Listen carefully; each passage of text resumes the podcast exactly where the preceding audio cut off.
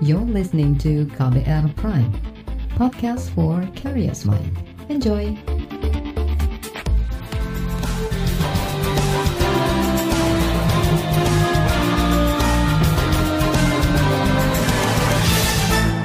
Halo saudara, senang sekali kami bisa menyapa Anda kembali dalam program KBR Sore, edisi akhir pekan Jumat 13 November 2020. Saya Agus Lukman kembali menemani Anda selama kurang lebih 30 menit ke depan. Sore ini kita membahas mengenai kegiatan belajar mengajar di masa pandemi, terutama di daerah 3T atau tertinggal, terdepan, dan terluar wilayah Indonesia terutama kesulitan para pengajar di sekolah itu untuk mengakses bantuan modul pembelajaran jarak jauh. Bagaimana mengatasinya? Saudara, Kementerian Pendidikan dan Kebudayaan pada Agustus lalu merilis pedoman pelaksanaan kurikulum sekolah dalam kondisi khusus atau darurat. Dengan pedoman itu, otoritas pendidikan di Indonesia memberikan keleluasaan bagi pendidik dalam menentukan kurikulum yang dianggap sesuai dengan kebutuhan siswa terutama di masa pandemi COVID-19 seperti saat ini. Pelaksana tugas Kepala Pusat Penelitian Kebijakan di Kementerian Pendidikan, Irsyad Zamzani, mengatakan sebenarnya sudah banyak kebijakan dibuat untuk membantu pembelajaran jarak jauh di masa pandemi, termasuk bagi penyelenggara pendidikan di daerah tertinggal, terdepan, dan terluar Indonesia. Program kuota ya, kita memberikan bantuan kuota kepada guru, kepada siswa agar bisa dilakukan proses pembelajaran uh, secara maksimal ya. Uh, dan yang terakhir mungkin sebenarnya bukan yang terakhir ya, yang beberapa waktu juga kita berikan adalah uh, merilis kurikulum darurat dan diikuti dengan modul-modul pembelajaran literasi dan numerasi untuk SD dan PAUD ya. Kenapa dua jenjang itu dipilih? Karena berdasarkan kajian kami di Balitbank yang SD itu dan PAUD itu yang paling merasakan beban ya dari proses pembelajaran dari rumah ini. Kami di Puswijak dan dibantu dengan teman-teman dari mitra pembangunan seperti tadi yang dari inovasi, dari Save the Children, dari UNICEF, dari Panoto Foundation itu melakukan kajian untuk melihat seberapa jauh dokumen-dokumen kurikulum darurat dan modul pembelajaran itu digunakan di lapangan oleh Bapak Ibu guru, oleh orang tua, oleh siswa gitu ya.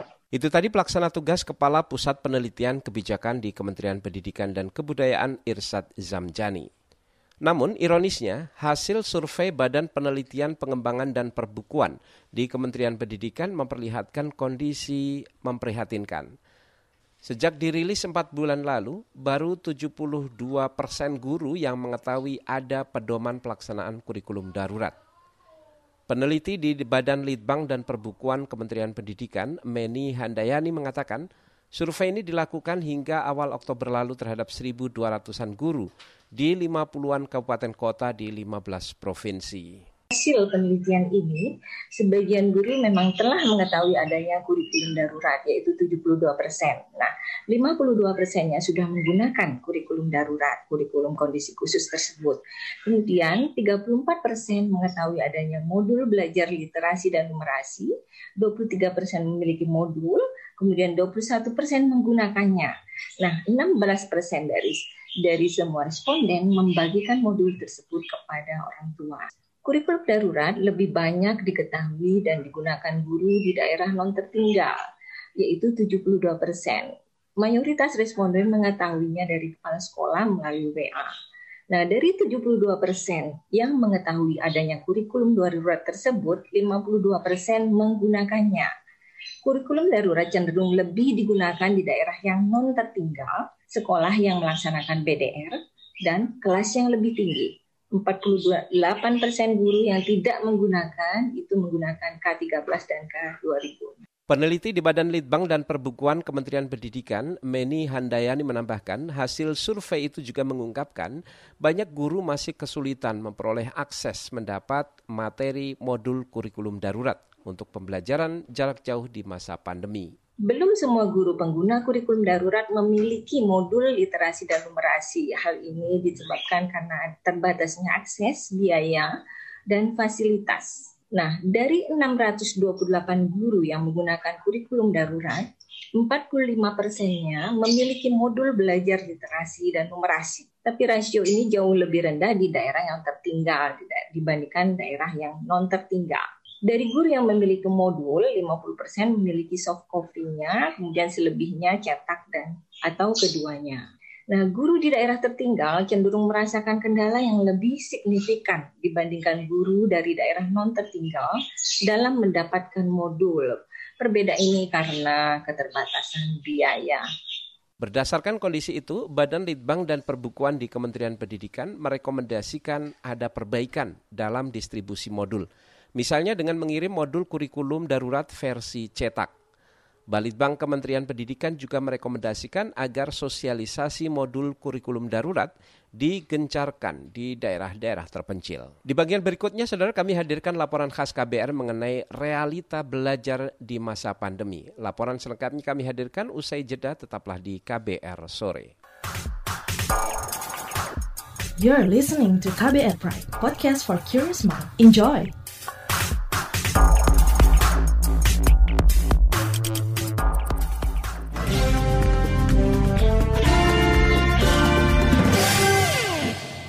Saudara, pandemi COVID-19 memaksa adaptasi yang cepat di sektor pendidikan. Selama 8 bulan terakhir, metode pembelajaran kebanyakan dilakukan secara jarak jauh. Namun perubahan ini direspon beragam di berbagai daerah, bergantung pada kelengkapan infrastruktur maupun fasilitas pendukung. Berikut beberapa pengalaman belajar mengajar di wilayah luar Jawa di masa pandemi. Laporannya disampaikan Astri Yuwanasari. Sudah sepekan ini, SMP San Carlos Habi di Sika, Nusa Tenggara Timur menerapkan pembelajaran tatap muka. Menurut Elias De Verno, salah satu guru di sana, kebijakan ini diambil berdasarkan hasil musyawarah pihak sekolah dengan orang tua murid. Metode jarak jauh sulit dilakukan karena ketiadaan jaringan internet dan keterbatasan gawai. Ya, tadi Medan area yang cukup sulit karena kami harus ke daerah-daerah pegunungan karena anak anak terpencar sampai ke desa yang uh, udik lah di pegunungan yang sinyal internetnya susah bu.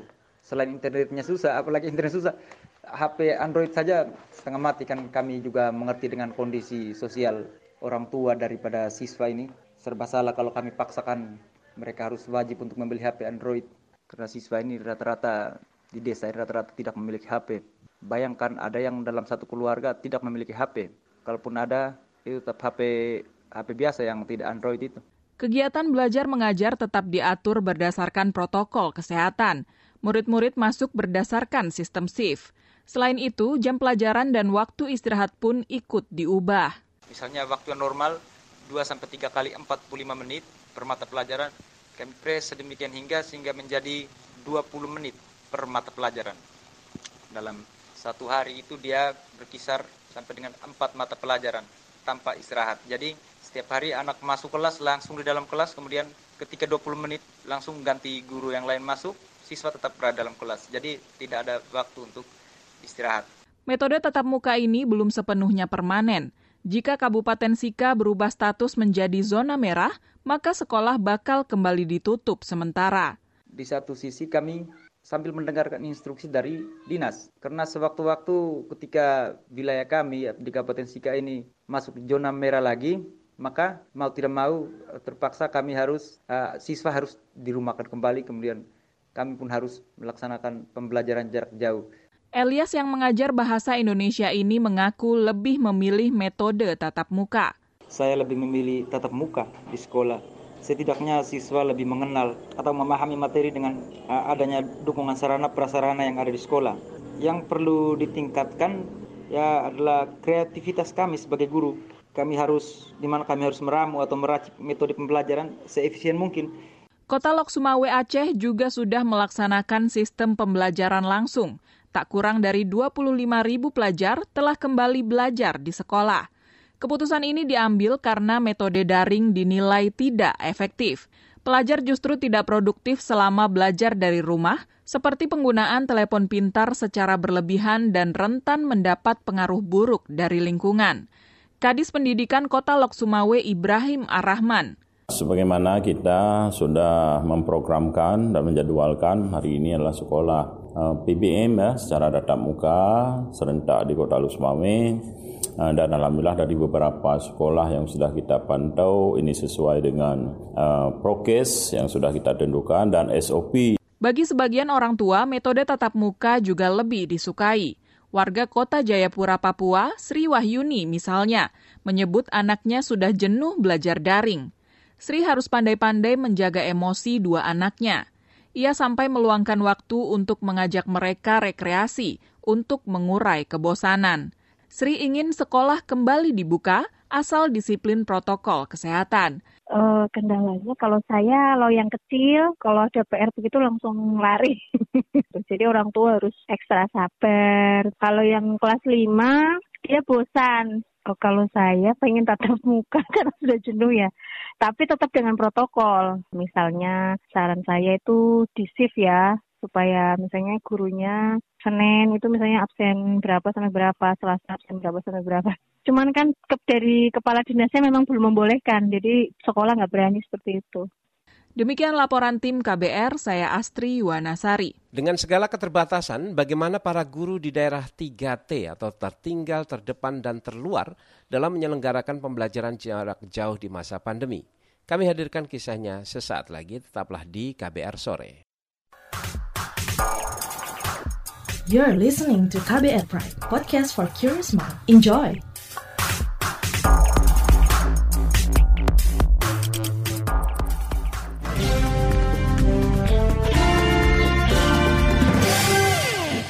Terima kasih saudara Anda masih bersama kami di KBR Sore. Saudara, bantuan modul kurikulum untuk pembelajaran jarak jauh di masa darurat pandemi COVID-19 dinilai sudah cukup memudahkan kerja para guru.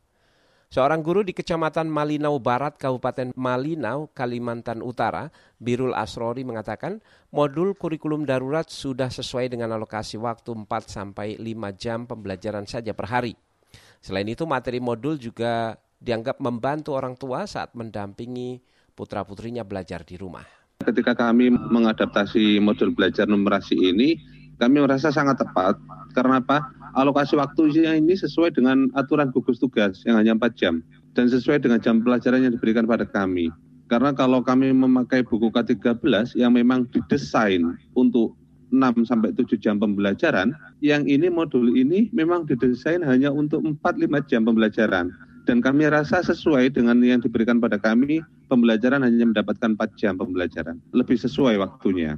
Yang menarik lagi ada modul panduan bagi orang tua. Selama ini kami kebingungan bagaimana anak di rumah itu bisa belajar, sedangkan orang tuanya aja tidak tahu cara mengajar. Tapi di sini ada modul bagi orang tua. Ini hal yang baru bagi kami dan saya rasa sangat membantu ketika anak-anak ada di rumah maka mereka bisa bersama orang tua, ada modulnya yang isinya adalah tujuan pembelajaran, alurnya, apa saja yang harus dilakukan, pendampingannya, tidak begitu tebal, tapi saya rasa cukup padat untuk orang tua bisa memahami juga tidak terlalu sulit. Modul ini juga bisa dijadikan inspirasi sebagai kelas LKS untuk Bapak Ibu guru di satuan pendidikan masing-masing. Jadi boleh diadaptasi, boleh diadopsi untuk modul ini. Ini bagi saya adalah suatu kami diberikan ruang yang lebih besar untuk bisa mengadaptasi modul ini hingga lebih menarik. Itu tadi Birul Asrori, seorang guru SD Negeri 002 di Kecamatan Malinau Barat, Kabupaten Malinau, Kalimantan Utara. Berbeda dengan pengalaman dari Anisetus Arjo, seorang guru SMP Negeri 4 di Kecamatan Komodo, Kabupaten Manggarai Barat, Nusa Tenggara Timur. Anisetus Arjo mengatakan jangankan mendapatkan akses modul kurikulum darurat pembelajaran jarak jauh, bahkan untuk mendapatkan sinyal internet pun di daerahnya sangat sulit. Ya, kendala banyak, Bu. Jadi yang pertama sekali itu soal waktu tadi itu. Jadi kami harus mengunjungi rumah uh, siswa itu satu persatu.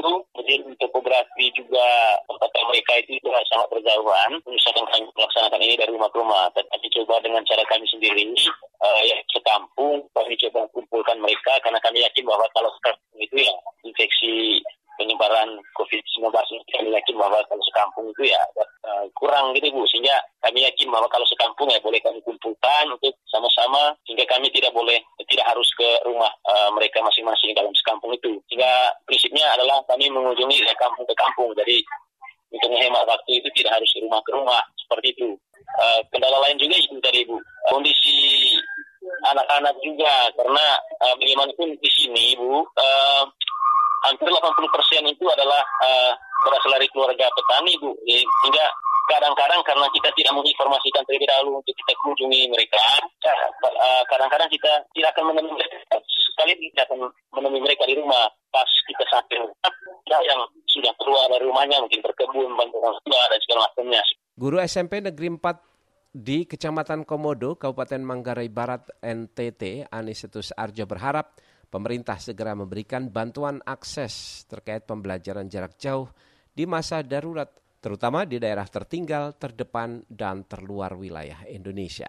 Di lain pihak, Saudara Sekjen Federasi Serikat Guru Indonesia FSGI, Heru Purnomo mengatakan daerah-daerah 3T memang terkendala jarak dan akses informasi untuk penyeragaman proses belajar mengajar secara nasional, termasuk untuk mengakses dan menerapkan modul kurikulum di masa darurat seharusnya berkoordinasi. Begini, eh, pemerintah pusat eh, menyampaikan informasi ini kepada pemerintah daerah, kemudian pemerintah daerah bersama dengan pemerintah pusat itu berkoordinasi dalam hal ini. Kemendikbud harus koordinasi dengan dinas pendidikan terkait, dinas pendidikan kabupaten rata-rata itu, Mbak, yang mana mereka harus saling memberikan informasi dan saling meng mengkontrol. Nah, kalau seandainya uh, Kemendikbud hanya melimpahkan ini kepada kepada Dinas Pendidikan Kabupaten, kemudian tidak melakukan pengawasan melekat.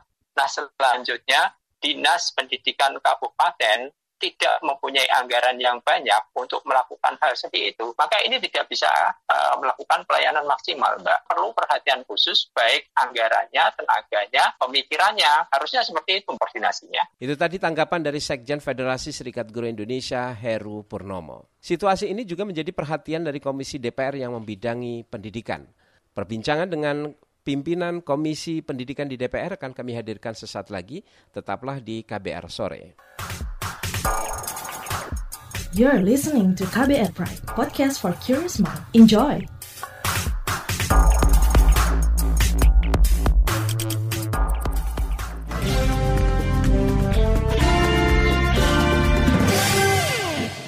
Kita berada di bagian akhir KBR sore. Saudara, Wakil Ketua Komisi Pendidikan di DPR, Hetifah Saifuddin, mengingatkan Kementerian Pendidikan agar memperbaiki koordinasi dengan otoritas pendidikan di daerah, terutama di daerah 3T, untuk memperbaiki pembelajaran di masa pandemi, terutama mengenai distribusi modul kurikulum darurat. Modul ini sangat penting bukan saja untuk para guru dan siswa, tapi juga untuk para pendamping, yaitu orang tua siswa. Berikut wawancara jurnalis KBR Dwi Renjani dengan Wakil Ketua Komisi Pendidikan di DPR Hatifah Saifudian. Hasil survei Balitbang Kemendikbud mengatakan hanya 28 persen guru di daerah yang memiliki modul PJJ, sedangkan sisanya terkendala informasi, fasilitas, geografis, dan biaya, sehingga tidak dapat uh, modul PJJ ini. Bagaimana DPR melihat ini, Bu? Ya, tentu saja sangat disayangkan ya, karena modul ini salah satu faktor yang mungkin bisa membuat kegiatan pembelajaran jarak jauh menjadi lebih berkualitas, lebih menarik ya karena kan uh, kita merasakan ya banyak sekali persoalan yang dihadapi dan satu persatu mulai dipecahkan. Hmm. Misalnya terkait dengan akses internet, uh, khususnya terkait dengan pulsa sudah ada mungkin bantuan ya. Kemudian juga uh, terkait dengan guru, orang tua dan juga kurikulum yang dirasa sangat memberatkan mungkin kegiatan PJJ dianggap sangat membosankan dan tidak menyenangkan, itu sebenarnya bisa diatasi jika kita bisa uh, mendapatkan uh, pengetahuan baru dan juga dipermudah ya dengan adanya modul-modul ini. Mm-hmm. Nah, tentu saja kita berharap gitu ya mungkin sebagai bagian dari fungsi pengawasan kami juga info ini sangat penting. Kita berharap ke depan sosialisasinya harus lebih intensif dan gencar. Dan mungkin cara penyebar luasannya pun bisa kita uh, permudah ya. Jadi itu ya misalnya ada satu kelompok guru uh, di suatu daerah mungkin sudah mendapatkan akses melalui mungkin hard disk kalau dia susah untuk mengupload satu persatu karena banyak sekali kan dari hmm. mulai PAUD, SD, SMP, SMA modulnya sampai dengan SMK juga Nah, mungkin uh, bisa nanti melalui jaringan-jaringan apakah seperti asosiasi seperti PGRI ataupun melalui dinas-dinas gitu. Jadi dilakukan satu uh, kerjasama atau sinergi lah. Itu tadi perbincangan KBR dengan Wakil Ketua Komisi Bidang Pendidikan di DPR Hatifah Saifudian. Akhirnya saudara sampai juga kita di penghujung acara KBR sore edisi akhir pekan Jumat 13 November 2020. Pantau juga informasi terbaru melalui situs kbr.id, Twitter kami di akun @beritaKBR serta podcast di alamat kbrprime.id. Saya Agus Lukman, kami undur diri. Salam.